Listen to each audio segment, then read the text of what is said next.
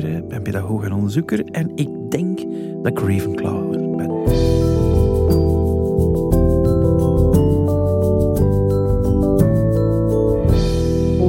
Welcome, Hogwarts, welcome hotties, nerds en tools. Ik kan het nooit beter zingen dan de Potter-parodie van Starkid, dus dat ga ik vooral ook niet doen. Maar welkom, niet op Hogwarts, maar bij The Sorting Hat Revisited, de Human Interest podcast, waarvoor ik de sorteergoed heb gepikt uit het universum gecreëerd door J.K. Rowling en waarin ik dus op ongeveer een uurtje tijd een bekende gast probeer te sorteren in een van de vier Hogwarts-huizen.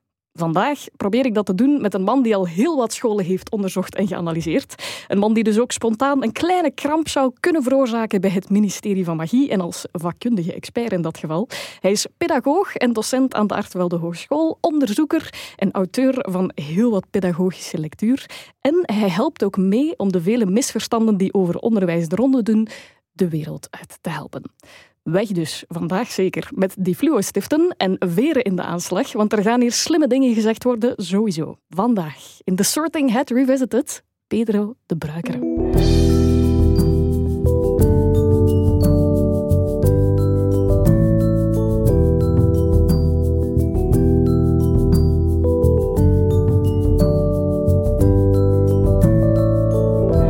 Pedro, welkom.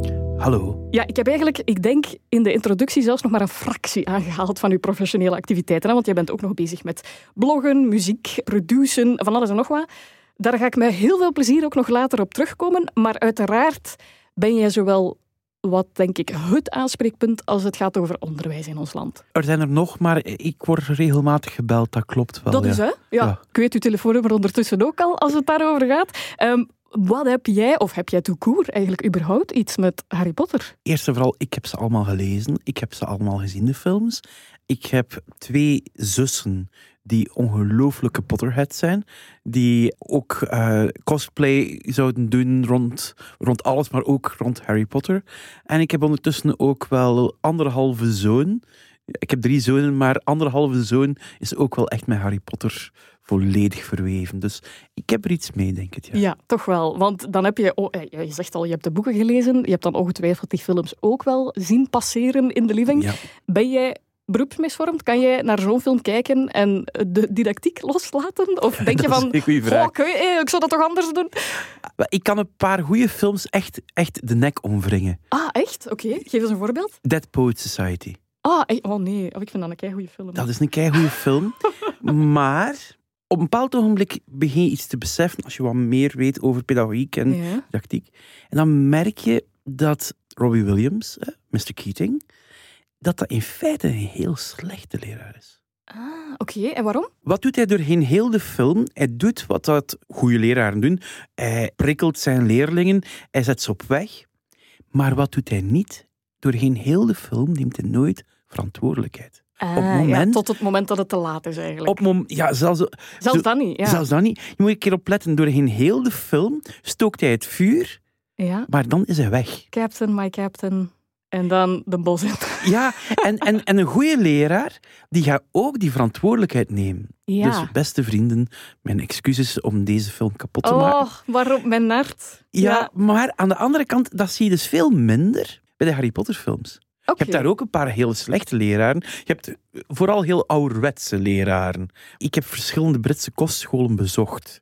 En ik herken er wel veel Oh, van. toch wel? Oké. Dus Ja, ja. dat- want dat wou ik inderdaad ook vragen, want die scholen die staan voor ons, Belgen, Nederlanders bij uitbreiding, die staan voor ons heel ver van ons bed. Wij denken van, wauw, dat is excentriek. Waar heeft ze dat uit haar Nee, maar- magische maar- maar- getoverd? Maar in Engeland is dat echt... Dit Ja. is helemaal niet excentriek. Nee, Nee, ik bedoel, ja, niet dat er dan magie en dergelijke nee, is. nee, nee. Maar maar ik bedoel, het, nee, het principe ja. van hoe de school in elkaar zit, is echt heel Engels eigenlijk. Ja, bijvoorbeeld, er zijn kleine details waaraan ja, je direct ziet, als je er een beetje vanaf weet, van dat is een Britse school. Het feit dat ze op elfjarige leeftijd beginnen. Is dat zo? Eh, In Engeland gaat men op elf jaar naar het secundair onderwijs. Je hebt dat misschien nooit u afgevraagd, Nee. maar Harry Potter begint op elfjarige leeftijd, niet op twaalfjarige Ja. leeftijd. En toen denk ik van, natuurlijk, ik bedoel, het kan niet anders. In Engeland, ja. Ja, ik heb het geluk gehad, onder andere Wellington. Dus dat is een school die... En om een idee te geven, direct eh, de toon te zetten. Hè. In die school hebben ze een soort van eigen Starbucks. Niet van Starbucks, maar daarboven staat dan in een klein bordje: Dit is geschonken door een oud leerling, de prins van een of ander emiraat. En die heeft de school dus een eigen koffiezaak geschonken. Ja, sympathiek. Ja. Ja. En dan denk je van, oké. En je begint zo rond te kijken en dan denk je van, ongeveer iedereen die hier loopt als leerling heeft waarschijnlijk meer zakgeld dan ik per maand verdien. Ja, dat is confronterend. Maar sowieso, want ook daar denk ik dat er dan wel een parallel te trekken is tussen het Hogwarts, het Harry Potter-universum en de reële Engelse scholen daar. Als je kijkt naar Hogwarts, die hebben een eh, sportveld, die hebben een eh, rivier, die hebben heel de slaapzalen. Dat is geen klein schoolje, hè? Nee, en dat is dus ook, ik bedoel, ik, ik, ik ga iets bekennen. Ik had net een oldtimer gekocht. En ik moest dus naar Wellington. En ik heb gewoon met mijn wagen op de, de trein gezet, omdat ik gewoon die oprit wou oprijden.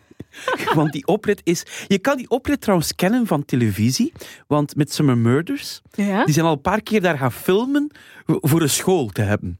Oh, maar echt zalig. En dus je rijdt daarop doorheen de bomen. Rechts van u zie je de hockeyvelden. Ze hebben een eigen Chinees gebouw. Waarom? Omdat er ooit iemand dat leuk vond. Ik wou, ik wou zeggen, omdat het kan. Ja. Ja, omdat het kan.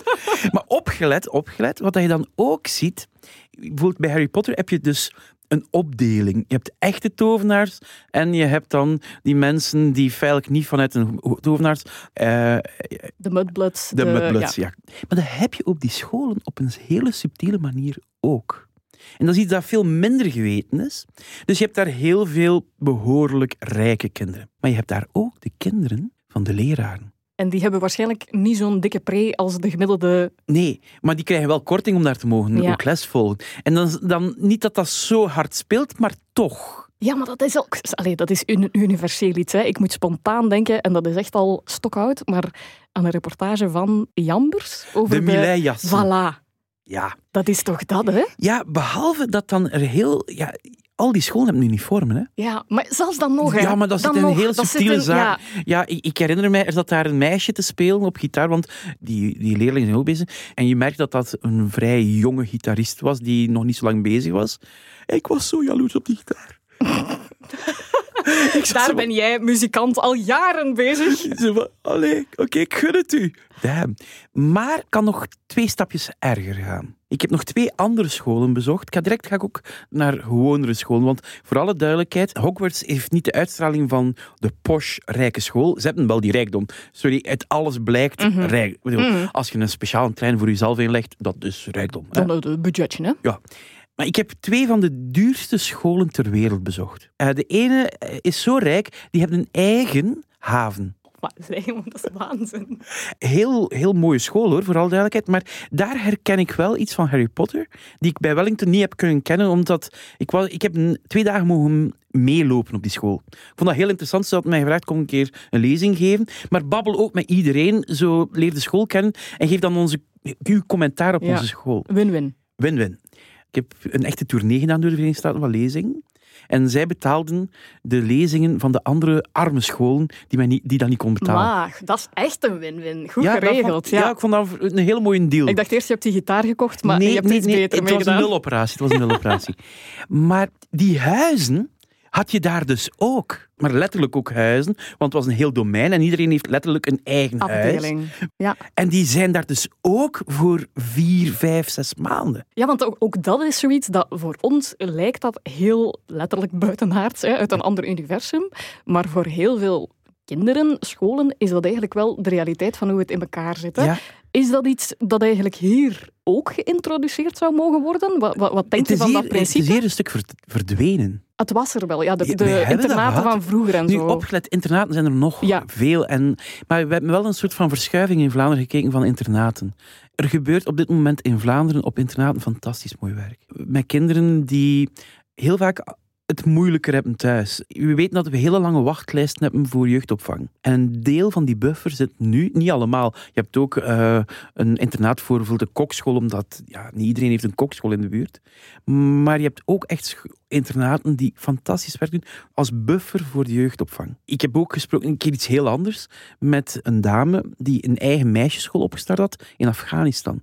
Maar de reden waarom dat daar de kinderen lang bleven, was puur veiligheid. Ja, tuurlijk. Ja. om ook even terug te koppelen naar dan het Potter-universum. Voor iemand als een Harry Potter, die eigenlijk uit een ja, moeten zeggen dat dat is. Dat is geen roze geur en maneschijn gezin. Voor hem is dat ook een veilige haven. Hè? Voor, zoals het voor heel veel kinderen vaak nog steeds het geval is. Ja, nu, om het verhaal van af te maken, want ik heb nog de overtreffende tap. Ik heb één school bezocht in Zwitserland. Dan begin je al te merken hè, van dat zal wel iets kosten. Ja, dat kost iets.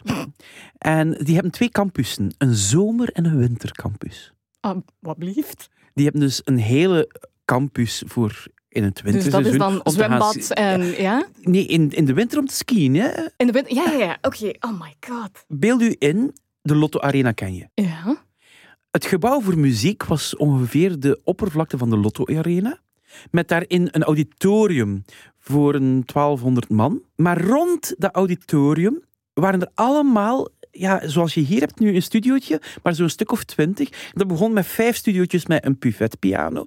Maar na die vijf buffetpianos kwamen de vleugels. Halleluja. En dat was het muziekgebouw. Ja, je eh, kan daar eigenlijk gewoon letterlijk, de, bij wijze van spreken, de Beatles zou, je daar gestoken kunnen hebben, die zouden hun cd's hebben kunnen maken. Er hing een poster, want de maand nadien een masterclass van echt zo'n jazzvedette. Eh, wacht, want je zegt dan, dat is de overtreffende trap, dat, daar kom je niet met een preken van de gemiddelde leerkracht ook niet, hè? Uh, nee, ik denk dat je twee à tweeënhalf keer het preken van een leerkracht nodig hebt om daar één jaar les te volgen. Ah, Leon, zot. Ja, en, en dat is heel, heel raar. Ja.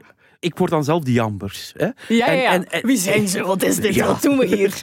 ik heb dan ook het geluk, ik heb net verteld, dat ik bijvoorbeeld bij die tournee door, door de Verenigde Staten, dat ik dus ook bij de compleet andere kant van het verhaal ja. uh, gezeten heb. Waarbij dat ja, de leerlingen soms geen thuis hebben. Ja, want voor alle duidelijkheid, het is niet dat je zo'n zot gebouw hebt dat noodzakelijk een betere school is. Hè?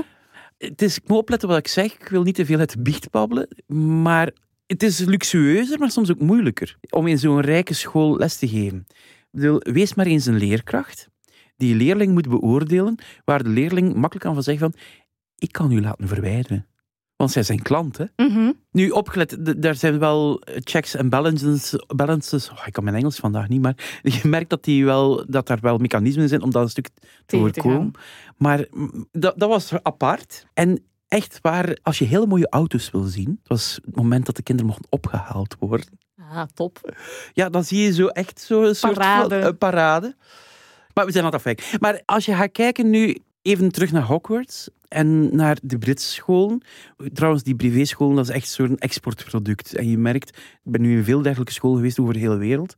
En ik proef heel veel van dat Britse. Dat is heel opvallend. Ook waarschijnlijk door de Commonwealth. Ze hebben ook dat wel een stukje... Dat kolonialisme, dat zal geholpen hebben, denk ik. Dat zal geholpen Maar ook als ik dan naar meer arme scholen ga, ook in de UK, dan kan ik ook wel veel herkennen, hoor. Bijvoorbeeld het element van cultuur bedoel, we weten wel, ze hebben het constant over zwerkbal, maar tegelijkertijd zie je dat doorheen alles rituelen, door alles heen ook cultuur binnendruppelt, geschiedenis die heel belangrijk is. En dat herken ik op alle scholen. Een soort van meegeven van traditie.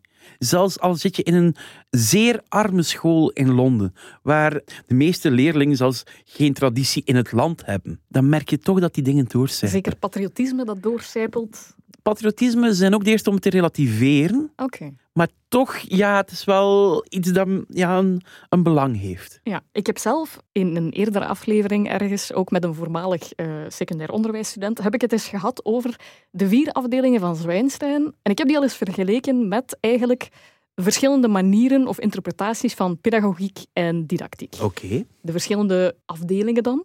Uh, er is een heel academische kant, uiteraard, hè, met Ravenclaw, die heel hard focust op dat excelleren op academische kennis. Uh, misschien eerder methodeschoolgerichte aanpak met Hufflepuff dan bijvoorbeeld. Mm -hmm. Kan je je daarin vinden, of is dat misschien wat kort door de bocht om te zeggen, je kan daar wel pedagogische methode in ontwaren? Ik vind het een heel interessante denkoefening, maar uiteindelijk zitten ze allemaal samen in dezelfde klas. Ah ja, dat is ook waar.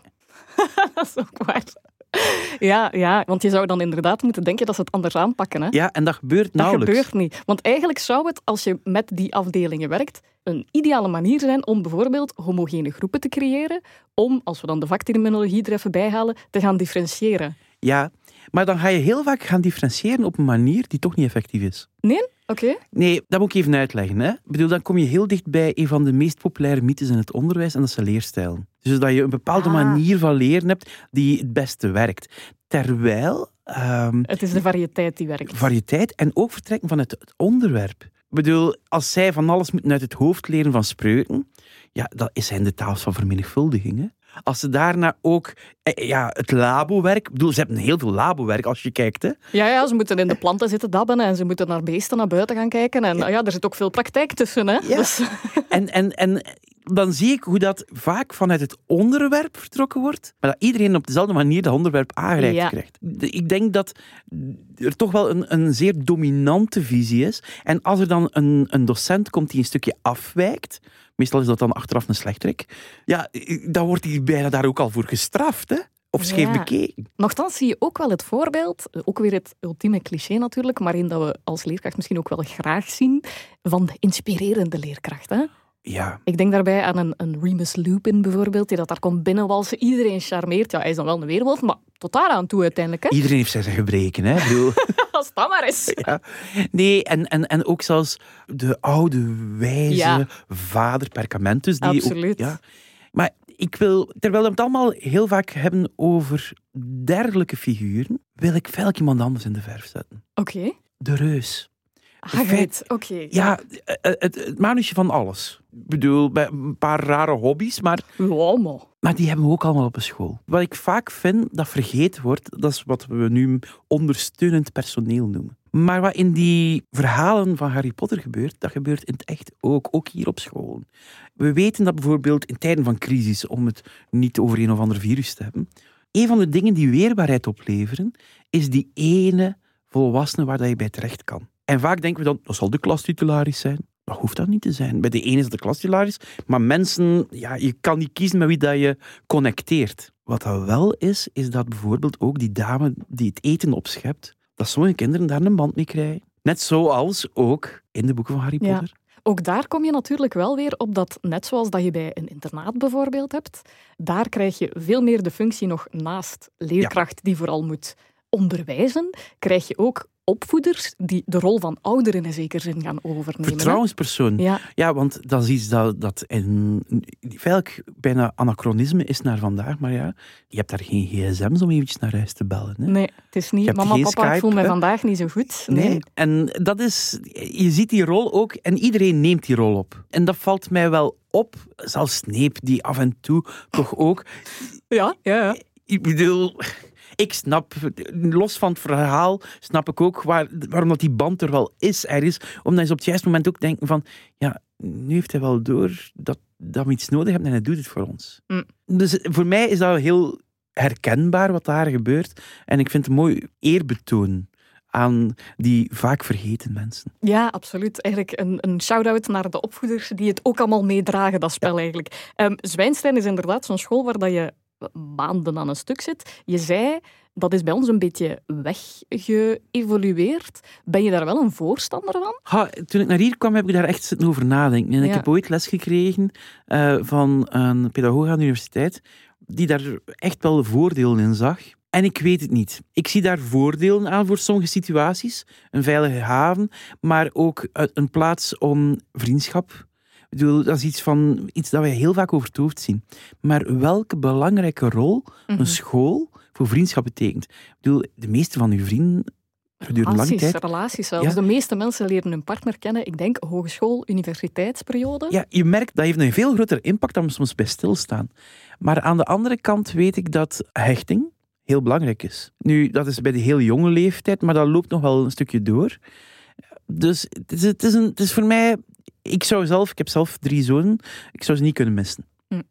En zij mij gelukkig ook niet. Ik kan me daar wel iets bij voorstellen. Maar om te zeggen van dit is nu voor iedereen de oplossing. Nee, ja, Nee. dat kan je sowieso Nee. nooit zeggen natuurlijk. Maar Ik ga ook even mijn, mijn uh, kennis van de bachelor secundair onderwijs even opfrissen, want ik kan mij voorstellen, als ik foute dingen zeg, spreek me tegen, hè, maar ik kan mij voorstellen dat het, het gamification element van hoe dat, dat onderwijs is georganiseerd wel heel goed kan werken om gewenst gedrag te verkrijgen. Als in, je hebt dat hele concept van, ze hebben die afdelingsbeker, de House Cup, op het einde van het jaar. En wat doen ze? Ze geven goede punten voor goed gedrag, ze trekken punten af voor slecht gedrag. Dat is nu toch een goede zet, of niet? Ja, maar dat is zo oud als de straat. Dat is behaviorisme. Ja. Als je denkt van, ik ben daar niet ehm, vatbaar voor, dat is de, de lijzenkaart, die mensen. Iedereen is daar vatbaar voor. en en ehm, we weten dat dat werkt, maar je hebt wel één cruciaal woord gezegd, namelijk gedrag. Ja, Want we weten dat dit kan werken om gedrag te vormen. En opvoeding is ook een stuk gedrag vormgeven. Maar van zodra dat daar leren, ja. Dan heeft het een negatief effect. Echt negatief. Dan kan het echt een negatief effect hebben. Op twee manieren. Eh, eh, eerst en vooral, eh, als je dingen doet voor beloningen. Aha, uw motivatie. Ja, Ja, intrinsieke of extrinsieke motivatie. wel, het is nog een beetje complexer. Als je enkel dingen doet voor een beloning, dan kan het gedrag stoppen. En zeker bij leren is dat het geval. Als het de beloning stopt. ja. Maar wat zie je ook op Hogwarts? Je ziet dan ook wel dat heel veel leerkrachten ook gaan voor de inhoudelijke uitdaging. Eh, probeer dit hier vast te krijgen. Ik denk dat je dit kan. Maar je merkt dat de intrinsieke motivatie wel speelt. Maar mag ik iets vertellen? Ja, dat- wij zijn zo vaak bezig over extrinsiek en intrinsiek. Ja. Maar zo simpel is dat niet. Ik bedoel, heel vaak zeggen we, extrinsiek is slecht. En dat leek nu ook even, maar daarom dat ik het ook wil corrigeren. Ja. En intrinsiek is goed. Maar ik kan u voorbeelden geven van intrinsiek die slecht is. En ik kan u een voorbeeld geven van extrinsiek die goed is. Bijvoorbeeld, ben jij intrinsiek gemotiveerd om elke week het vuilnis buiten te zetten? nee, absoluut niet. Maar je doet het wel. Ja, Krijg je daar maar niet elke week, maar Ja, als er genoeg is. dat. Nee, op dat moment dan doe je dat omdat je weet van ik wil een bepaald doel bereiken, namelijk mijn huis proper houden. Voilà. En daarvoor moet ik dit doen. Ja. Bijvoorbeeld, ik weet die spreuken uit het hoofd leren, dat is saai, dat is niet fijn. hè. Maar als ik later dan effectief wil dingen bereiken, heb ik ze nodig. En om die dingen te bereiken, moet ik dit doen. Functionele Maar dat is, motivatie. dat is intrinsieke motivatie? Nee, dat is extrinsieke motivatie. Want je bent dan niet gemotiveerd voor die spreuken, je bent voor het ander doel gemotiveerd. Maar je weet, je neemt dat erbij. Een means to an end. En ik, daar, eerlijk gezegd, dat is beter dan het andere. Ik ga je een, voorbeeld geven van het slechtste advies dat je ooit aan iemand kan geven. Volg uw passie. Want uit onderzoek weten we dat als iemand één passie heeft Ja. en enkel die passie wil bereiken, Alles hangt ervan af, hè? alles staat of valt met dat ene ding. Als je dan een hobbel in de weg krijgt die we allemaal meemaken, ja, dan is de kans veel groter dat je afhaakt. Mhm. Als je de juiste versie van de tip is, volg uw passie, maar heb er iets naast. Ja, ja. Dus, dus Laat niet alles afhangen van de passie, want Nee, en ik denk dat dat iets is. eh, ik bedoel, Harry Potter, ja, die is wel de wereld aan het redden, maar heeft zijn zwerf, zwerkbal ook nog. ja, voilà. Ja, maar dat is belangrijk, want anders haal je het niet. Nee. Je had het eigenlijk over, hè, die gamification werkt om gewenst gedrag te verkrijgen, dus in een zekere zin wel goed. Die inhoudelijke component maakt het dan eigenlijk vooral nog beter. Maar een negatief element aan die afdelingen, zou je kunnen zeggen, is een, een zekere polarisering misschien, zoals wij zij. Competitie. Ja, maar dat, ja, het kan ook uit de hand lopen natuurlijk. Ja, dat kan hier ook wel voorkomen. Dus vroeger, toen ik, lang geleden en toen de apen nog konden praten, dan was er ook al wel wat rivaliteit tussen scholen, die dan Ja, in dezelfde stad zijn. En je hoort toch niet bij die school, kom aan. dat is op universiteiten en al ook zo. Hè. Dat is, eh, Ik negeer dat. Eh, ehm, en dat wij zij denken... Er is een tijd geweest, 10, 20 jaar geleden, dat we dachten dat we voorbij identiteit waren. Dat identiteit niet meer belangrijk was.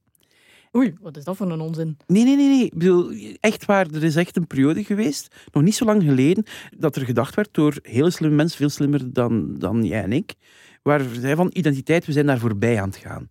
We gaan naar een soort van globale samenleving en dergelijke meer. Ja. Maar het tegenovergestelde is gebeurd. Ah, ja, maar ja, want dat is toch Dat vind ik heel bizar, want je zit toch in een fenomeen van individualisering, waar dat individu en identiteit denk ik bijna belangrijker is dan ooit of zo. Ja, maar dat kun je nog zien. We hebben individuele identi- identiteit. Maar dat wij zij denken dat tot een bepaalde identiteit uzelf rekenen, Mhm. dat is belangrijker dan ooit. En terwijl dat het in een situatie zoals op, een- in Hogwarts iets ludieks heeft. Ja, ja, natuurlijk. En ik denk dat daar nog meer dan dat het wij zij denken is, wat mij in die vier huizen, jij had het net over pedagogiek en die, ik, ik heb het meer toch over bijna een soort van persoonlijkheidstheorie. Ja. Die Die daar, visie van hoe jij in het leven staat, of welke Ja. keuzes je maakt, of op basis van wat dat je kunt. Ja, ja. En als er dan echt conflicten ontstaan, gaat het meestal niet omdat jij tot een andere groep behoort, maar wel over hoe kijk je naar het Ja. leven. En ik denk dat voor J.K. Rowling dat ook een heel mooi mechanisme was. Om op die manier ook conflicten en samenwerkingen een stukje mogelijk te maken. ja, absoluut. Ja, ja, ja, want het is vanuit een bepaalde manier van zijn of doen dat er spontaan, denk ik, bepaalde conflicten zullen ontstaan. Ja. Nog iets bijzonders op Zwijnstein, waar jij als pedagoog mogelijk ook voorstander van bent. Er worden geen punten uitgedeeld op Hogwarts. Ehm, er zijn examens op het einde van elk schooljaar. Eh, er zijn dan de specialetjes, de slijmballen en de puisten. Heb ik niet bedacht. Eh, maar daar wordt dus enkel gesproken over termen à la uitmuntend, acceptabel, eh, diep treurig. Ik zou die terminologie nu misschien niet meteen Nee, overnemen, nee, maar is dat iets dat je ook graag in het Belgische onderwijs zou zien? Ik ga iets bekennen, ik ben niet tegen punten. Je bent er niet tegen, oké. want er zijn heel veel pedagogen die dat, daar geen Ja. voorstander van zijn. hè? Maar ik ga je uitleggen waarom ik er niet tegen ben. Oké. Omdat dat heel vaak gigantische discussies oplevert waar dat je niet meer vooruit geraakt. Ja. En ik ben een heel groot pragmaticus op dat vlak. Dus als je als school de punten schrapt, dan krijg je direct mensen die kwaad zijn, mensen die blij zijn en weinig ertussen. Dus wat zeg ik meestal als die discussie, als, als een school mij vraagt van zouden we niet beter onze punten afschaffen? Dan zeg ik van, kijk, als de punten het enige is dat je doet, dan zit je met een probleem. Maar als je naast die punten feedback hebt, als je naast die punten, wat dan nu echt meer en meer opkomt in Vlaanderen, niet enkel oudercontacten, maar ook leerlingcontacten hebt, waarbij dat samen gekeken wordt naar het leerproces. Weet je wat, maak dan geen slapende honden wakker door die punten per se af te schaffen. En dat, zie dat als een stap van evolutie. En je weet niet waar die evolutie gaat eindigen. Maar op dat moment zie je punten als de meest rudimentaire vorm van feedback. Ja, Maar je zet er iets ja. moois naast. Idealiter is dat zeker niet het enige wat er gebeurt. Maar ik denk wel, want dat is misschien ook wel jouw pleidooi, je zou in principe wel kunnen wegstappen van punten als er een goed uitgewerkt systeem is. Er is een heel mooie, even eh, ook wat kijktips geven. Hè. Eh, een heel mooie documentaire gemaakt, elf jaar geleden, twee keer een uur, Dylan William. Op dat moment was hij, denk ik, net met pensioen. En de BBC zei, beste professor, u weet het allemaal zo goed. Hier heeft u een school, maak je school beter. En we filmen alles ook als het fout gaat. En het gaat af en toe ook fout. En een van de eerste dingen dat hij doet, is punten afschaffen. Ik herinner mij, want ik heb ze bekeken, ik herinner mij vooral in het begin, ook van leerlingen trouwens, de verwarring. Vooral van leerlingen. Ja, want die krijgen dan, ik denk dat het plusjes waren of zoiets, één of twee plusjes of zoiets. Of Ja. iets in die trant. En dan, zeg, dan, dan, Ja, hebben- dan beginnen ze inderdaad van, hoeveel plusjes heb jij? Maar jij om toch maar dat vergelijkingsmechanisme toch nog te hebben. Weet je nog wat dat er daarna gebeurde? Nee. Op een bepaald ogenblik wordt Dylan naar de school geroepen, want ze zijn één groep verloren. Eén groep, dat, dat is er nog nooit aan gedacht dan. Dat er, Juist, de hoogbegaafden, degenen die heel goed presteren. die hadden geen enkele geen manier enkele meer nee. om zich te onderscheiden. Die kunnen niet meer excelleren en die denken, ja, fuck dit. Dat was echt het moment van, oei, wat gaan we, wat Die hebben doen? nodig, ja. Ja, het was een stuk van hun identiteit die letterlijk afgenomen werd. Ja. Dus ja, het is allemaal wel goed gekomen, maar je merkt, ja, het is goed, je kan ervoor kiezen als school van we gaan die strijd aan met de leerlingen, met de ouders. Trouwens, in de, in de documentaire met de leerkrachten ook. Ja. Want die hadden het daar ook heel moeilijk mee, sommigen. Maar ik denk, ik ben, meer, ben minder voor de shocktherapie. Gematigd, ja, ja. Maar misschien inderdaad is dan het voornaamste pleidooi wegstappen van de fixatie van punten en gemiddeldes bijvoorbeeld. Ja, gemiddeldes en, en mediaan, daar ben ik een veel coolere minnaar. Ja. Heel simpel uitgelegd. Neem Anne en Tom. Eh, we kunnen ook Ron pakken, maar ik neem nu even Anne en Tom. Ze hebben allebei dezelfde toets afgelegd en ze hebben allebei 7 op 10. Maar Anne zit in een hele sterke klas. Daar is het klasgemiddelde 8 op 10. Ja, dan is die zeven slecht. Dan is hij zeer slecht. Terwijl Tom zit in een hele zwakke klas. En daar is het gemiddelde 6 op 10. Tom gaat proficiat te horen Mhm. krijgen. En ehm, ja, Anne kun je niet beter werken. Maar ze zijn even sterk. Ze hebben enkel gewoon pech of geluk van een medeleerling. Voor leerkrachten is een mediaan wel heel interessante informatie en een gemiddelde. Ik bedoel, om, om te kijken hoe, hoe werkt die klas hier? Of hoe heb ik het aangepakt? Ja. Ik bedoel, als Was jij... mijn test goed opgesteld? Ja. ja. Maar voor ouders kan dat een, een heel fout beeld geven. Wat ik ook nog hilarisch vond, eh, we hebben al een paar goede aspecten eigenlijk van Zwijnstein aangehaald. Er is op een gegeven moment uit een online ranking voor de beste Schotse onderwijsinstellingen van een aantal jaar geleden stond Hogwarts mee op die lijst. Dat was bedoeld als folieke, als Ja. mop. Maar er zijn uiteraard mensen die dat daar vol een bak op gestemd hebben als ongelooflijk goede onderwijsinstelling. Zijn er zo dingen die, waarvan jij als pedagoog zegt, wij dreuzels kunnen nog wel iets leren van die school eigenlijk? Ik ga eerst het goede zeggen, maar ik ga ook nog iets slechts zeggen. Ja, zo Trolls in the Dungeons en zo. Dat, eh. Nee, nee, nee, maar iets heel anders je Nee, nee, nee, ja. Nee, ik ga, ik ga eerst beginnen als ik, iets heel persoonlijks. Ik ben niet de man van de rituelen. Als je ritueel oplegt, dan loop ik gillend weg. Oké. Maar waarom zeg ik dit? Omdat er nu vrij veel onderzoek gepubliceerd is de laatste jaren over de meerwaarde van rituelen. Bijvoorbeeld de sorting hat, dat is een ritueel. Ja, absoluut. Het gezamenlijk eten, dat is een ritueel. En wat weten we nu? Dat dit kan helpen voor wat we noemen executieve functies. Voor eigenlijk structuur aanbrengen in je dag, in je leven, in uitvoeren van bepaalde taken. Leren focussen, Ja, leren plannen. Dat zijn zaken die daardoor erg geholpen worden. Dus dat vind ik heel positief. Maar op een van de zaken waar we van nu weten dat het het hoogste leereffect heeft, daarvan vind ik dat Hogwarts slecht scoort. En dat heet Collective Teacher Efficacy. die je moeten uitleggen. Ja, ik moet eigenlijk- Wat is collective teacher efficacy? Dat is het geloof van een team in zichzelf dat ze het verschil kunnen maken. Oké. En dat is er nog wel een stuk aanwezig, maar de ouders ontbreken. De ouders ontbreken niet alleen in het leven van de kinderen, maar de ouders ontbreken ook in het leven van de school. Ja, je hebt daar eigenlijk geen, hoe zeg je dat dan, de ouders die daar de appeltjes komen schillen op een woensdagmiddag of zo, dat is daar Je niet, hebt er nauwelijks contact tussen de school en de ouders. Snap ik. En, en we weten dat hoe meer de neuzen in dezelfde richting staan van ouders en school en vrienden, hoe beter de leer- en leefomgeving van het kind. Ja, dus eigenlijk zouden zij ook een zegje moeten kunnen doen in hoe die school functioneert. Dan niet alleen, eh, al, alleen al was er contact over, hoe zo ga, bedoel, ze hebben nauwelijks oudercontact, je ziet dat niet. Was misschien nu ook niet het meest boeiende geweest in dat universum, maar ja. Oh, ik zie wel mogelijkheden hoor. ik, bedoel, ik wil van een paar mensen zou ik wel een keer het oudercontact willen Ja, zien. nogthans, ja, inderdaad, want je, hebt, je krijgt wel geregeld een, eh, een Draco Malfoy. My father will hear about this. Ik denk dat hij wel geregeld een keer een update krijgt van hoe dat de school wordt gerund. Ja, maar je ziet, niet, je ziet geen terugkoppeling. En, en dat is, nu weten we uit onderzoek dat dat een enorme impact kan hebben op het leren van het kind. Ja, en ik kan mij ook voorstellen, überhaupt ook op het ja, welbevinden, welzijn van eigenlijk iedereen daar aanwezig. Hè? Want als je weet inderdaad, neuzen in dezelfde richting, dan ga je er ook minder op gepakt worden als er iets... Klopt. En dat wil niet zeggen dat de school moet opleggen bij de ouders hoe dat zij het kind moet opvoeden. Of omgekeerd. Het is Mhm. dus ook niet dat de ouder... Maar gewoon, als er genoeg contact is, dan groeien ze naar elkaar toe. Dat vind ik inderdaad, alleen nog los van het hele, er zitten trollen en driekoppige draken en slangen en zo. Alleen leven- en doodscenario's, Ja, eh, dat- daar ja, dat- gelaten, ja. daar kunnen we ook iets over zeggen. Maar dat vind ik inderdaad wel een, goed, een goede negatieve onderwijswerking of zoiets. Als in, ze zouden inderdaad daar wel wat meer eh, rekening mee willen houden. Dat terzijde, zou je er graag in een imaginair universum uiteraard, zou je er aan de slag willen gaan? Zie je jezelf daar functioneren? Ja, om, om het tegenovergestelde van wat ik net verteld heb.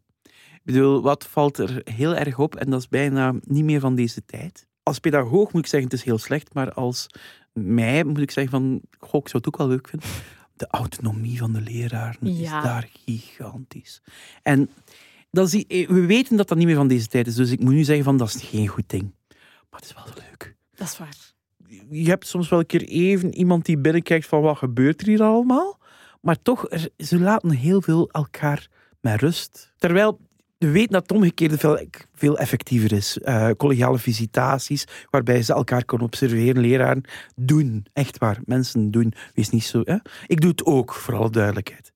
Ik doe dus niet zoals in het boek, maar ik, En ik vind het wel ergens zo romantisch fijn. Ja, ja, ik snap het. Ik snap het. Vooral ook inderdaad de creatieve vrijheid om ermee te doen wat je wilt. Jij omschrijft jezelf, Pedro, als een soort van midbuster van het onderwijs. Jij ontkracht bepaalde hardnekkige clichés over leren en onderwijs.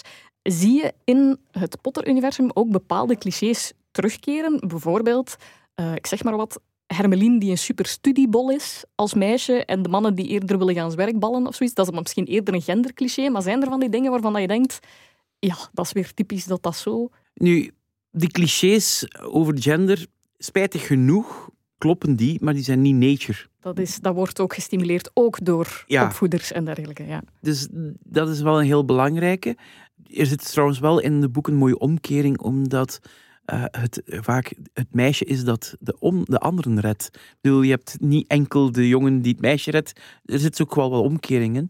Maar als we het hebben over leren, ik moet echt opnieuw bekijken. Ik zou het niet weten. Ik heb er, de klassiekers zitten er minder in. Ik denk dat veel mensen denken dat er een mythe in zit die er niet in zit. Weet je wat dat daar vrij weinig in zit? Zelfontdekkend leren. Het wordt aangereikt. Het wordt aangereikt en dan verder uitgedaagd. Ik ga even uitleggen en, en waarom veel mensen denken het moet vanuit het kind zelf komen. Het, moet, uh, het kind moet zelf ontdekken. En iets dat je zelf ontdekt, onthoud je langer dan... Maar het is niet zo simpel. En zeker niet bij het doelpubliek dat naar Hogwarts gaat. Dat moet ik even uitleggen. Zeker in de eerste drie, vier boeken worden er heel veel basisvaardigheden aangeleerd. Dingen die de kinderen echt nog niet kennen. En we weten dat voor het aanleren van basiskennis en basisvaardigheden dat leerkracht gestuurd beter is omdat je wel de fundering moet hebben om er dan je eigen plan mee te trekken. Ja, omdat je op die manier als... Want je hebt ook wel kinderen rondlopen die toch wel wat voorkennis hebben. En je hebt ook kinderen die helemaal geen voorkennis hebben. Dat zijn meestal ook de grappigste momenten. Waarbij dan mensen in dingen veranderen die echt niet de bedoeling waren. Mhm. Maar, wat is nu heel belangrijk, we weten als je zelfontdekkend leren gebruikt voor de basiskennis en basisvaardigheden. Ja, degenen die die voorkennis hebben, die zijn weg, maar degenen die die niet hebben, die heb je niet mee. Nee. En dus dat in het verhaal in feite er heel veel leerkracht gestuurd is, zeker in die eerste boeken, dat klopt feitelijk voor een publiek dat in feite heel divers is. Hè? Ja. Op dat moment, ook gezien hun leeftijd, is het logisch dat er zoveel wordt aangereikt om... Niet, ik denk dat hier het juiste woord niet leeftijd is. Niet leeftijd. Nee, want dat, ik ga een willekeurig voorbeeld geven. Je bent een professor in uh, een kerkjurist die binnenkort met pensioen gaat. Die denkt van ik heb het gehad met sociale media.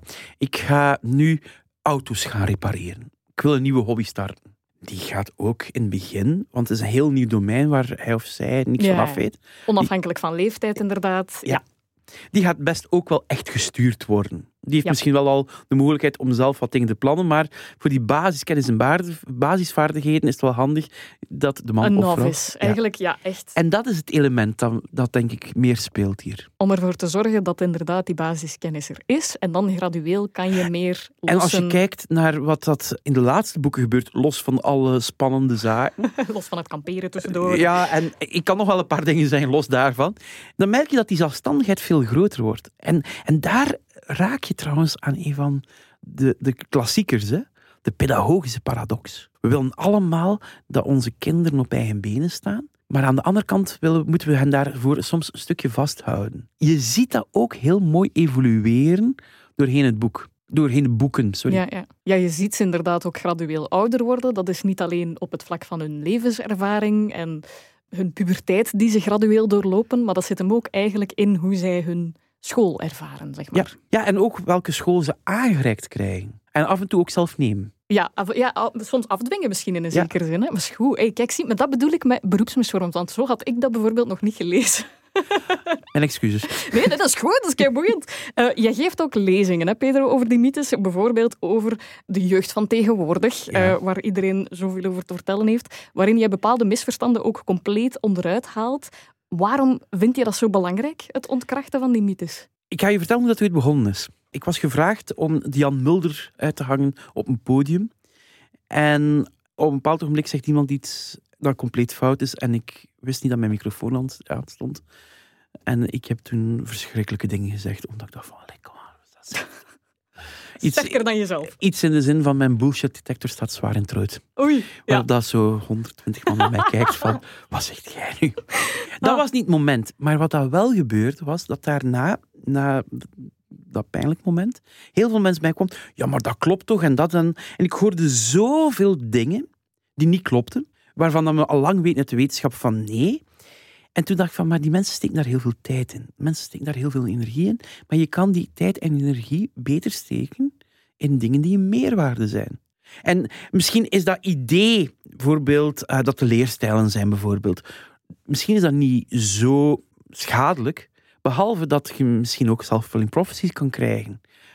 Maar ook vooral dat de tijd en energie dat je daarin steekt, dat je dat niet kan steken bijvoorbeeld in eh, zoeken naar rijke teksten, waardoor dat het begrijpend lezen vooruit gaat. Zoeken naar verschillende werkvormen waardoor het interessanter wordt. Ja. ja. Dus ik denk dat dat, dat voor mij is dat een belangrijke motivatie. Nu, het is op een bepaald ogenblik ook wel een beetje gekanteld, die motivatie. Want dan krijg je zoveel vragen en klopt dit en hoe zit het daarmee? Dan word je gewoon nieuwsgierig. En dan, dan, dan, dan wordt het detectivewerk. Ja, ja, ja. Dus het is misschien begonnen vanuit een, wat is dat dan? Een eh, idealisme, kwaadheid? Wat, wat- Kwaadheid is, is niet goed. Ik ben nooit kwaad als een leerkracht of iemand anders dergelijke dingen Ja. gelooft. Want als niemand... Maar het is wel een onwetendheid die je wil corrigeren. Hè? Ja. Het is, ja dat, En, dat- en kijk, ik ga nu iets heel meligs vertellen, dus het haalt violen boven. Ehm, ik zal ze er wel onder monteren. Als Ja. is.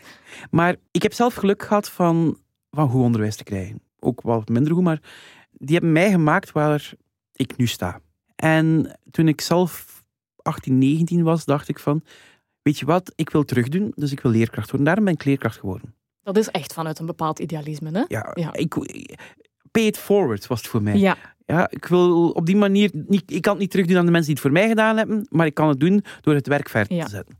Maar toen ik afstudeerde als leerkracht, Nederlands geschiedenis, aardrijkskunde, voelde ik mezelf te jong om voor de klas te staan. Ik bedoel, ik was gewoon bleu. En ik kreeg toen ook weer van een hele goede docent, maar ik ga naar de universiteit. En ik heb toen heel erg getwijfeld. Eh, niet over naar de universiteit gaan, dat zou ik wel zitten. Maar ga ik nu geschiedenis doen of pedagogiek? Ik ben een geschiedenisfreak. Maar toen dacht ik van, in plaats van zelf les te gaan geven in secundair onderwijs, ik heb dat ook wel een stukje gedaan, maar kan ik misschien pedagoog worden om op die manier leerkrachten te vormen die goed Ja. kunnen lesgeven. Vanuit de logica, ik ben maar één leerkracht, maar als ik betere leerkrachten kan maken, dan heb je een beter team. Ja, noem mij naïef en ik weet dat ik daar maar stukjes kan in Ah ja, doen. ja oké, maar, Maar- het is maar- opnieuw vanuit wel een Ja. zeker idealisme, als in, als je dat goed aanpakt. En dat is ook de reden, ik werd, toen ik afstudeerde aan de universiteit, ik kreeg de kans om te doctoreren, dat ik dat absoluut niet gedaan heb. Oké, Eh, Want ik wou gaan lesgeven ja. aan de hogeschool, ik wou mijn werk doen. Het is pas na een paar jaar dat ehm, mijn vrouw mij erop wees dat ik, zij was ondertussen gedoctoreerd en ze zei van, Pedro, aan uw kant van het bed ligt er meer onderzoek dan aan mijn kant van het bed. En het is mijn job en nu niet. Zou je daar niks mee doen? ja. En toen heb ik echt ook weer een stuk van, maar wat kan ik nu doen om dat vooruit te zetten? En daar is dan Het is een beetje een strijd tussen, denk ik, daadkracht en weethonger of zoiets. Ja, maar die twee versterken elkaar. Oké, En daardoor denk ik nu van, ik kan mijn stuk bijdragen door leerkracht, niet enkel de leerkrachten waar ik les aan geef, van te vertellen van, kijk, hier staan we in de wetenschap. Niet met de pretentie, want dat, daar ben ik zelf heel allergisch voor, met de pretentie te zeggen van, zo doe je het. Nee, want ik ken uw leerling niet. Ik ken uw inhoud niet. Maar wel, ik ga u informeren waar we nu staan. Wat Ja. we weten van, dit, je kunt daar tijd in steken, maar dat is misschien verloren tijd. Dit zijn zaken die kunnen werken, maar kies daaruit voor je eigen klas. wat voor- u werkt. Ja. ja. En dan denk ik van, op die manier kan ik weer dat klein steentje bijdragen om vooruit te gaan. Ik vind het goed dat je zegt dat dat elkaar stimuleert, want ik denk inderdaad ook dat dat een van uw grootste drijfveren is over hoe dat jij functioneert. Je werkt ook al meer dan twintig jaar voor Artevelde. Ja. Ik kan mij voorstellen, dat ga je ook alleen maar doen vanuit die combinatie eigenlijk. Ja, ik werk, ook niet, ik werk al lang niet meer alleen op Artevelde. Ik werk ook bewust in Nederland aan een universiteit, omdat ondertussen die poot in fundamenteel onderzoek, dat is voor mij wel heel belangrijk. En dat is die weethonger. Maar ik heb de voorbije drie jaar een paar aanbiedingen gekregen om enkel nog daarmee bezig te zijn. En die heb ik tot nu toe bewust geweigerd. Niet op ingegaan, omdat dat vormen van die leerkracht voor mij zo belangrijk blijft. Bedoel, dit jaar heb ik ook terug intern zelfs de vraag gekregen van ja, we hebben hier zoveel onderzoeken dat, dat, dat jij zou kunnen doen. Stop met lesgeven en dat wil ik dus niet. Dat wil je niet, nee. Want je bent, hè, je, je zegt in het begin ben ik niet gaan lesgeven, ik was te bleu. Je bent uiteraard wel voor de klas gaan staan. Je staat voor heel veel hogeschoolstudenten die leerkracht zullen worden later. Maar dat vind je dan ook wel echt cruciaal, dat die eigenlijk van jou die inzichten meekrijgen. Of die inzichten meekrijgen, want uh, ze hoeven niet per se van mij te komen. Maar ik doe het zelf graag. Ja. Um, maar bijvoorbeeld iets dat wij nu gedaan hebben, ik wil geen reclame voor de hogeschool, maar u bent altijd welkom. maar we hebben bijvoorbeeld met echt het hele team van, van de vakgroep hebben we bijvoorbeeld de voorbije jaren echt onze cursussen allemaal zo up-to-date mogelijk gemaakt. Ik ben daar niet de enige in, we zijn daar mijn team in. En dat vind ik zo mooi en zo belangrijk.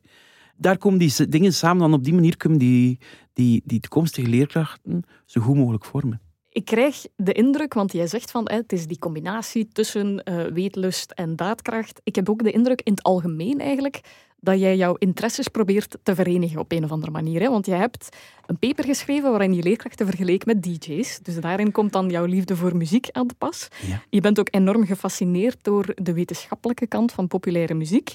Vanwaar die poging om vooral niet te moeten kiezen en zo'n beetje te dabben in allemaal verschillende potjes? Uh, omdat leven anders saai is. Alleen maar wetenschap, dat, uh, dat is het niet. Nee, bedoel, ik, wat mensen niet geloven, maar ik heb een wetenschappelijk paper geschreven over Newbeat. Nice, oké. Twee jaar geleden. Ik ben ook muziekproducer, nog altijd. En ik heb ook al meegemaakt dat mensen bij mij komen... Weet je dat je een naamgenoot hebt die muzikant is? Nee, c'est moi. Ja.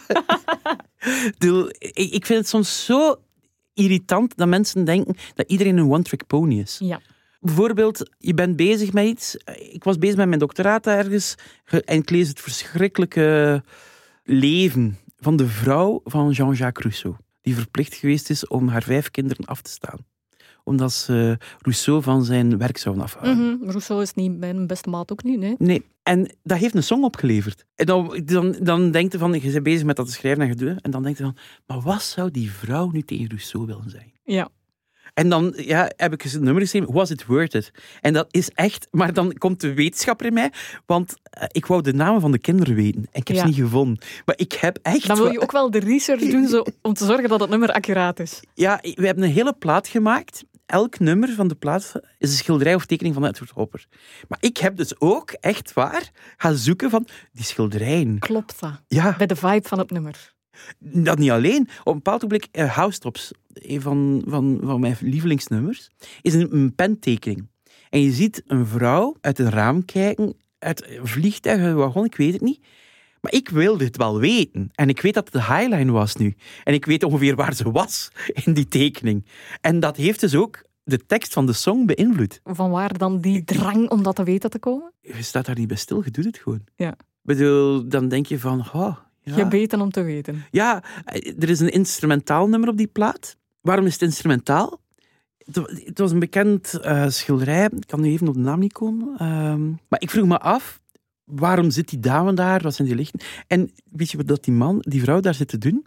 Dat is een wassalon. En die zit te wachten tot de was klaar is. Ja. Maar als je dat hoort, dan weet je van, daar mag geen tekst op. Dat moet gewoon een walsje zijn voor dat ritme van dat Ja. ronddraaiende. En die vrouw zit te wachten, dat is het wachtmuziekje. En dat vind ik dan tof. En weet je wat dat zo fijn is? Hè? En eh, als je daar allemaal niet weet, dat nummer staat. Referentiekaders is dat dan, hè? Ja, Maar dat is, dat is ook kei tof ook als luisteraar, dat je eigenlijk easter eggs krijgt van de band naar wie je luistert. maar dat vind ik dus ook. Ik kan daar ook van genieten. Als, als je bijvoorbeeld bij Paul Simon hoort, mm, de Mississippi Delta is shining like a national guitar. Maar je weet dat national guitar, dat dat in een tekstboekje met hoofdletter geschreven wordt, omdat dat Dan een merk de- van gitaar is, die daar gebruikt wordt en die van metaal is, die, zo die, die schijnt. Dat is toch de max? Ja. Dan opeens krijg je een, een extra laag. Kan je dat nummer tof vinden zonder dat te weten? Ja! Natuurlijk, ja, ja, uiteraard. Er gaan ook mensen bijvoorbeeld naar jouw plaat luisteren, geen idee hebben van het uiveren van Hopper bijvoorbeeld, maar dat maakt de muziek niet minder goed, Nee. uiteraard. En, en het grappige is, daarna, nadat de plaat uit was, heb ik nog een hoppernummer geschreven. En dat nummer zou nooit in die plaat gepast hebben. Oké. Want, zijn, want heb je dan, vind je dat dan vooral voor jezelf leuk? Of, hoop je, of heb je de neiging om dat toe te lichten aan luisteraars ook? Van, ik wil eigenlijk dat je dat nu weet. Nee, ik bedoel, het schoonste is als iemand een uitleg geeft over je song, dat je zegt van, ik heb dat helemaal niet bedoeld, maar het klopt. Ja. Weet je, waarom dat ik ooit daaraan begonnen ben, aan die Hopper-songs, dat was gewoon een oefening. Ik had mezelf voorgenomen, ik ga mij, en dat is dan weer die, die, dat, dat, ja, het, jezelf uitdagen. Ja. Ehm, zomervakantie, ik ga elke dag een song schrijven. 60 dagen, elke dag een liedje schrijven. Maar ik zocht een manier van, hoe kan ik dat nu doen? En we waren net naar een tentoonstelling van Hopper geweest in Duitsland. Ik zeg van, weet je wat? Ik ga naar de bibliotheek, ik leen een boek van Hopper. En elk nummer, elk schilderij daarin, schrijf ik een song over. Geïnspireerd op, ja. En ik heb dus veel meer nummers geschreven, maar ik ben, je hebt, ik weet niet of je dat weet, maar je hebt ruwweg twee soorten songschrijvers. Je hebt de Princeton van deze wereld, waar ik me niet wil vergelijken, maar hè, die uh, heel veel schrijven, maar dan ook heel veel in hun kluis laten liggen, want nee, toch maar Veel niet. schrijvers en die pikken de goudmijnen ja. En de goudklompjes eigenlijk pikken ze eruit. Ja? En je hebt de Leonard Cohens, die drie jaar, vier jaar aan een nummer veilen. Ja. Ik bedoel, um, van Halleluja bestaan er denk ik een stuk of 70 strofes toen John Cale het wou Je ziet dat ook, dat hij de teksten... Er zijn ook heel veel eh, versies waarin dat je ziet dat hij ook worstelt met zo... oh, mag het wel te veel over religie gaan? Ja. En dan herschrijft en dan Ja. heel de strofes vervangt. En, ja. Ik ben de eerste, dus ik schrijf 60 liedjes. en er zijn er dan... Er zijn er waren op dat moment 11, zijn er uiteindelijk 12 geworden. Dat ik zeg van, oké, die staan.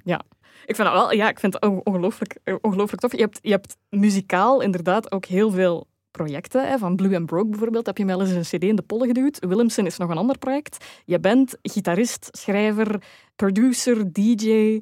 Eh, Daarnaast dus inderdaad ook nog uiteraard pedagoog, onderzoeker. Wanneer slaap jij? Weinig. ja, ik, ik, ik, ik blog elke dag. Ja. En mensen vragen zich soms af wanneer dat ik dat doe. Maar de voorbije twaalf jaar sta ik meestal rond... Vanmorgen was het half zes.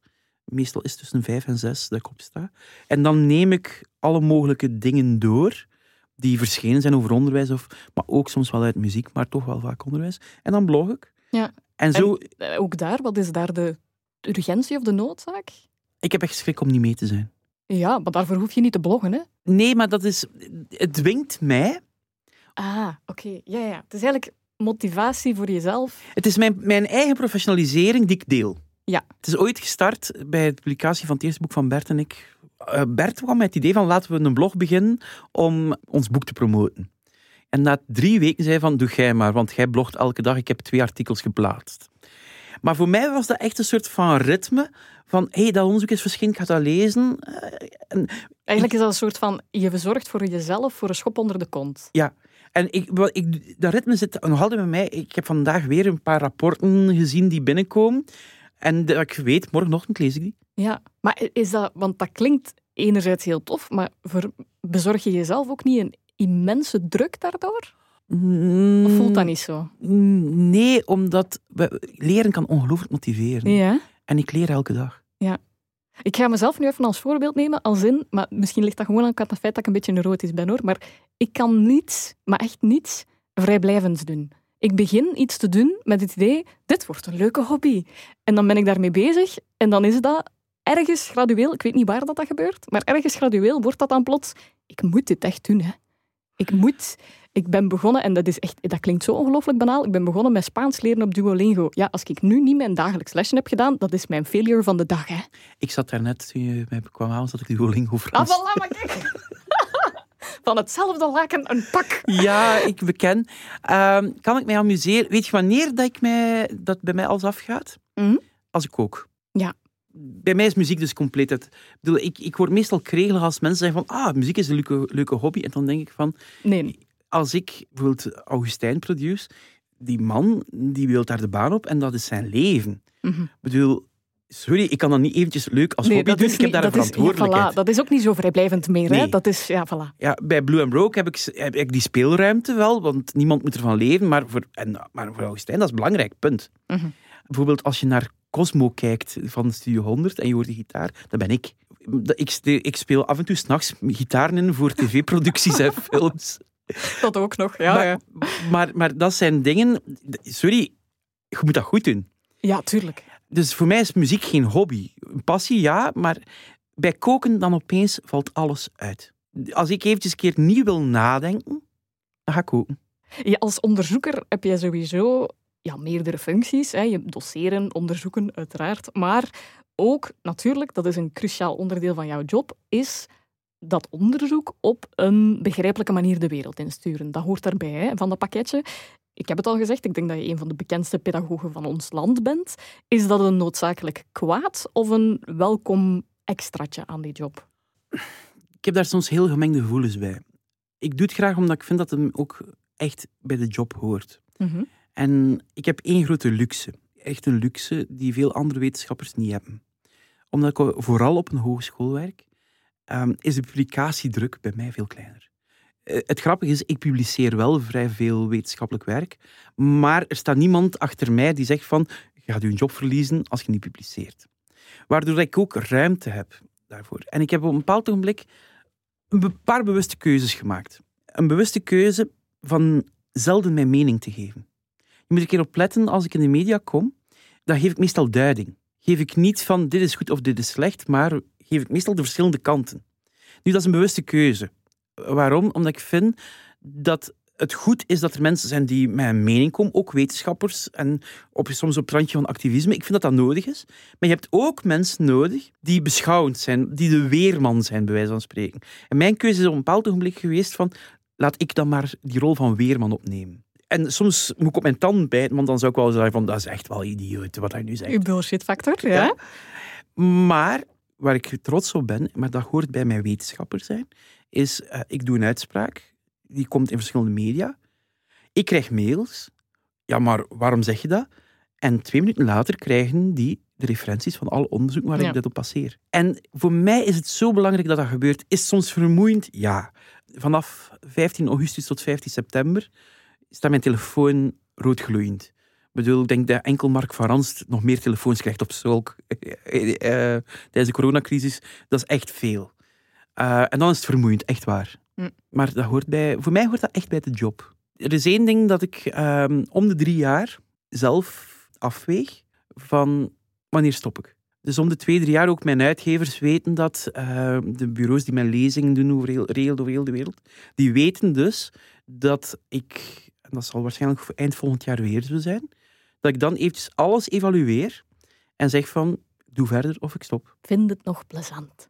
Ja, of ga ik gewoon weer gewoon een duffe wetenschapper zijn die niemand kent en die af en toe lesgeeft aan leuke studenten. En dat zou je ook perfect oké vinden. Ja.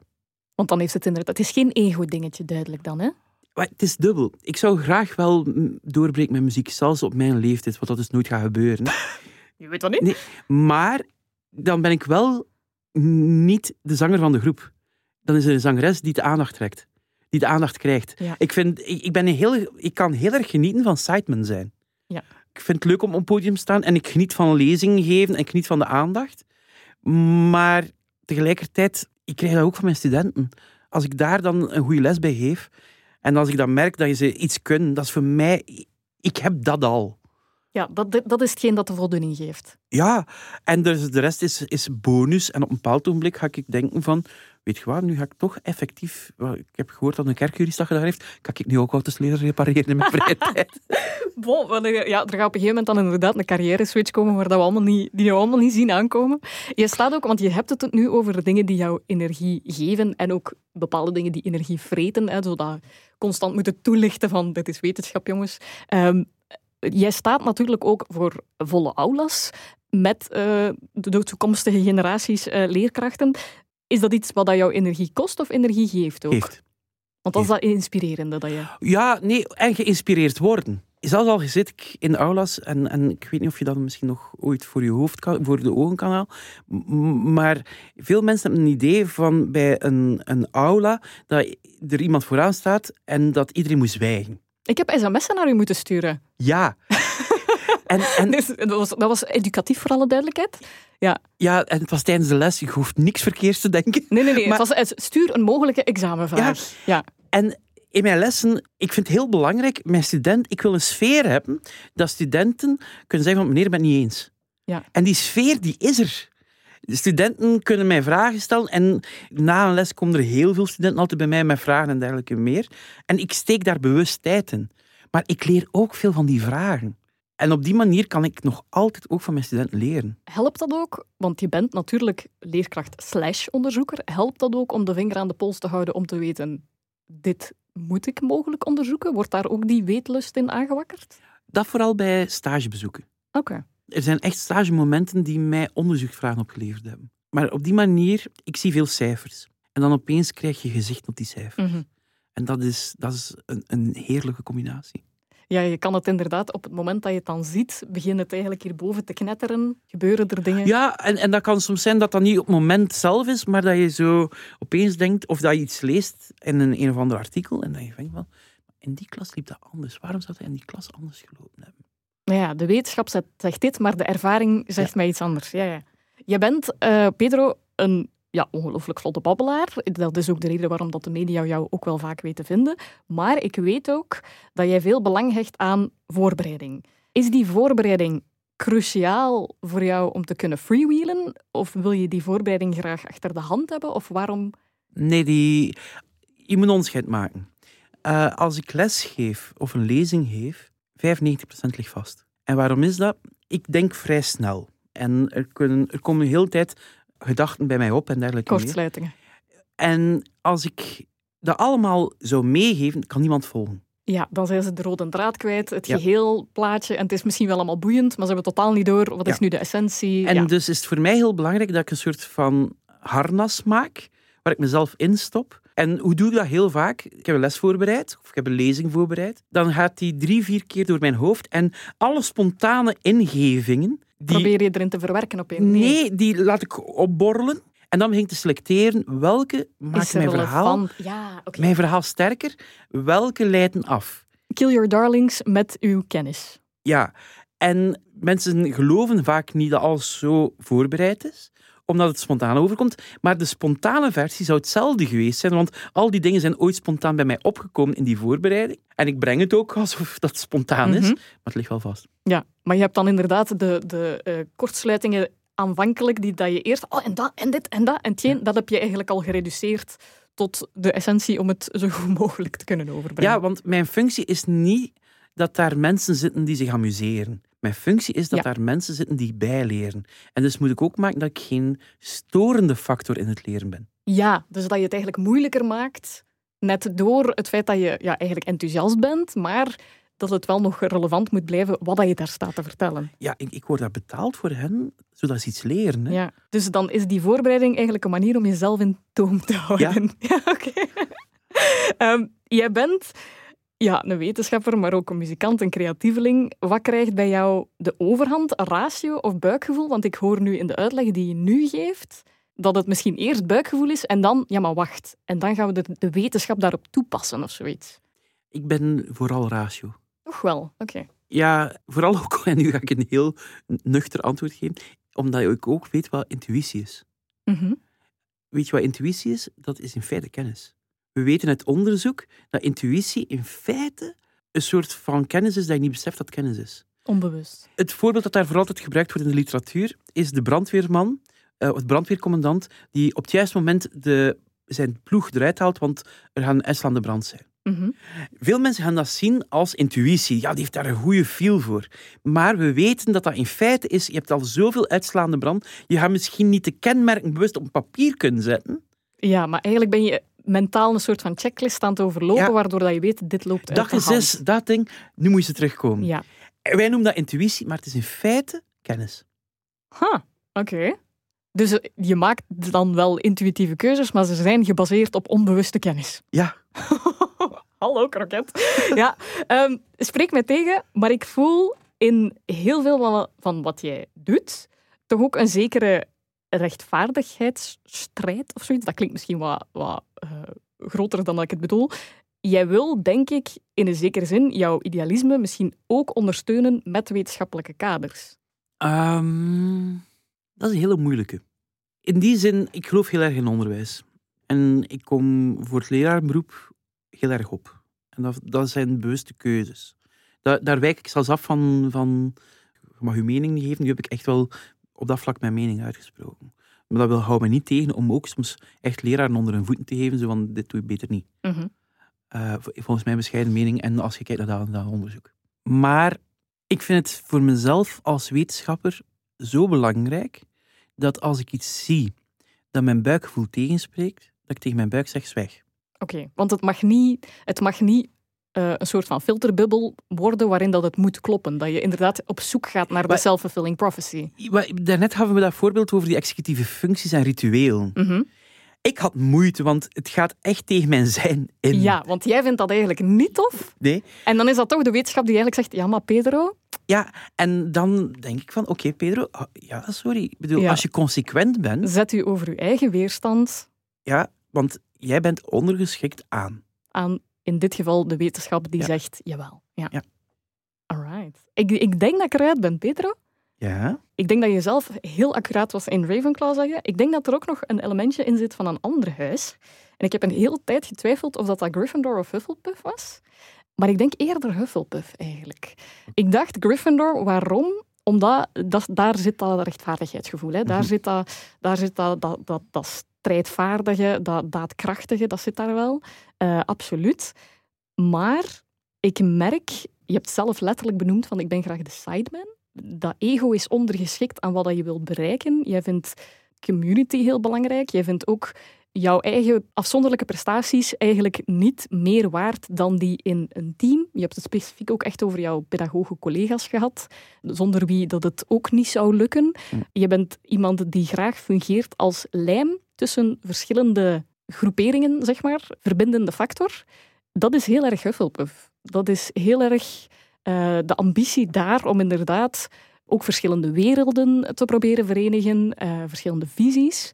Maar de manier hoe dat je het uit, of hoe, hoe dat je ermee aan de slag gaat, is heel erg Hufflepuff. En de manier hoe dat jij eh, dingen aanvliegt, om het maar zo te zeggen, is heel erg Ravenclaw dan weer. Als jij zegt, hè, op het moment dat er dingen niet kloppen binnen mijn eigen buikgevoel, en ik zeg buikzwijg, dat is de ultieme visie van een Ravenclaw. Want dan wil je eigenlijk vooral niet jouw buikgevoel laten overheersen en vooral de, het, het zou in jouw hoofd, denk ik, hypocriet zijn om dan toch nog naar jouw buik te luisteren, want nee, de wetenschap is op dit moment ja, prioritair en is even slimmer dan, dan mijn buik is, bij wijze van spreken. Ja, dat, laatste herken ik wel, ja. Ja, ook als er bijvoorbeeld, stel dat je een bepaalde mening hebt, wat dan nu ook aan bod kwam, bijvoorbeeld met die executieve functies, je hebt dan een persoonlijk gevoel, maar de feiten zeggen iets anders. Ja, opnieuw, ja, dan moet jij als individu, als persoon, vind jij, ik moet mijn mening herzien. Ja. En dat is belangrijk, want we hebben hier de feiten en ik heb hier externe bronnen en ik ben een wetenschapper en ik moet dit cool en met een zekere afstand kunnen bekijken. En dan moet ik me daarbij neerleggen. Wij dienen gewoon de wetenschap, is dan voor mij de functie. Ja. En dat is absoluut Ravenclaw. Als je zo inderdaad die afstand... Want niet iedereen kan dat ook, hè, maar jij vindt dat eigenlijk noodzakelijk. Dat is een cruciaal onderdeel niet alleen van jou als onderzoeker, maar ook van jou als mens, als persoon. En dat maakt jou, en ook, nog los, want dat heb ik zelfs nog niet benoemd, maar de ongelooflijke nieuwsgierigheid en weethonger, dat is uiteraard ook heel erg, heel erg Ravenclaw. En de verschillende potjes, en ook daar je niet tevreden mee kunnen of willen stellen, ongelooflijk Ravenclaw. Dus ik weet niet, is er dan, klopt het ongeveer wat ik zeg? Denk je bij beide huizen zoiets van, ah, ik snap wel. Ik snap het wel. Ja, ik snap het wel. En, en ik zou me nooit in Gryffindor geplaatst hebben. Dus dat is... Dat is Ja. Weet je wat dat mijn grootste ambitie ooit was? Ik, dat heb ik altijd tegen mijn vrouw gezegd. Ik wil gewoon op een bepaald ogenblik die bejaarde wetenschapper zijn die ergens in een hok met veel boeken zit. Ja. Die ze af en toe komen roepen als er een probleem is. Ja, maar dat, dat bedoel ik. Daarvoor ben je ook net iets te, iets te vrolijk luid en aanwezig of zoiets. En dat bedoel ik niet op een slechte manier, Nee, voor laten. Zo, dus in die, in die optiek, maar er, vandaar dat ik twijfelde. En vandaar dat ik uiteindelijk toch nog bij Hufflepuff uitkom, Mhm. omdat jouw eh drijfveren, ambities, waarden daar toch nog wat meer aansluiten, denk ik dan. Omdat het voor, voor jou niet draait om ja, wat je zelf zei, je bent niet noodzakelijk de activist, maar je bent wel degene die alles eraan gaat doen om een, bepaalde, een bepaald team of een bepaalde organisatie te leiden naar het toppunt van hun kunnen. En dat is eigenlijk meer inderdaad de, de sideman, de henchman, die ondersteunend is. En net dat is meer Hufflepuff, denk ik dan. En, ja. en dan krijg je feitelijk... eh, De cirkel is rond. Het verhaal waarom, waarom we begonnen zijn, Dead Poet Society. Mhm. Ik bedoel, het verwijt dat ik dan gaf aan... Dat hij die verantwoordelijkheid niet nam. Ja, ik bedoel, Dat hoort erbij. ja, die verantwoordelijkheid neemt. Ik bedoel, die verantwoordelijkheid, als je verantwoordelijk neemt, voor als je verantwoordelijkheid neemt, dan cijfer je jezelf ook altijd een stuk weg. Ja, ah, schoon. Ja, dan hebben we inderdaad een hele schone cirkel gemaakt. Als ik die conclusie hoor, dan denk ik, je kan jou vinden in ergens een hybride mix tussen Hufflepuff en Ravenclaw. Heb je een voorkeur? Ravenclaw is nog net iets meer de, de wetenschapper. Ja. Dus ik denk toch Ravenclaw. Snap ik. Snap ik 100%. Oké, dan ga ik Maar ik het... zoek eh, een lief... eh, Even een mix of voilà, voilà. Both, best of both worlds is dat. Eh, ik ga het jou heel graag laten zeggen. Jij bent Pedro de Bruiker en je beschouwt jezelf als... Ravenclaw. Merci, Pedro. Graag gedaan. Kijk, ongetwijfeld een alumni waar McGonagall als head of House Ravenclaw ongelooflijk trots op zou kunnen zijn. Pedro is bij deze officieel geclassificeerd tot Ravenclaw. Ook volgende week zijn we back, back to Witches and Wizards and Magical Beasts. Maar als je zo lang niet kan wachten om nog extra Potter-related content te delen, kom je dan vooral vinden op de reguliere Dreuzelkanalen. At Shalini VDL op Twitter en Facebook of via de hashtag The Sorting Revisited. Red Vines, Potter complottheorieën en feedback zijn daar altijd welkom. Ik ben Shalini van de Langenberg, at your service. En tot de volgende stroomstootmagie in uw oren. Mischief managed.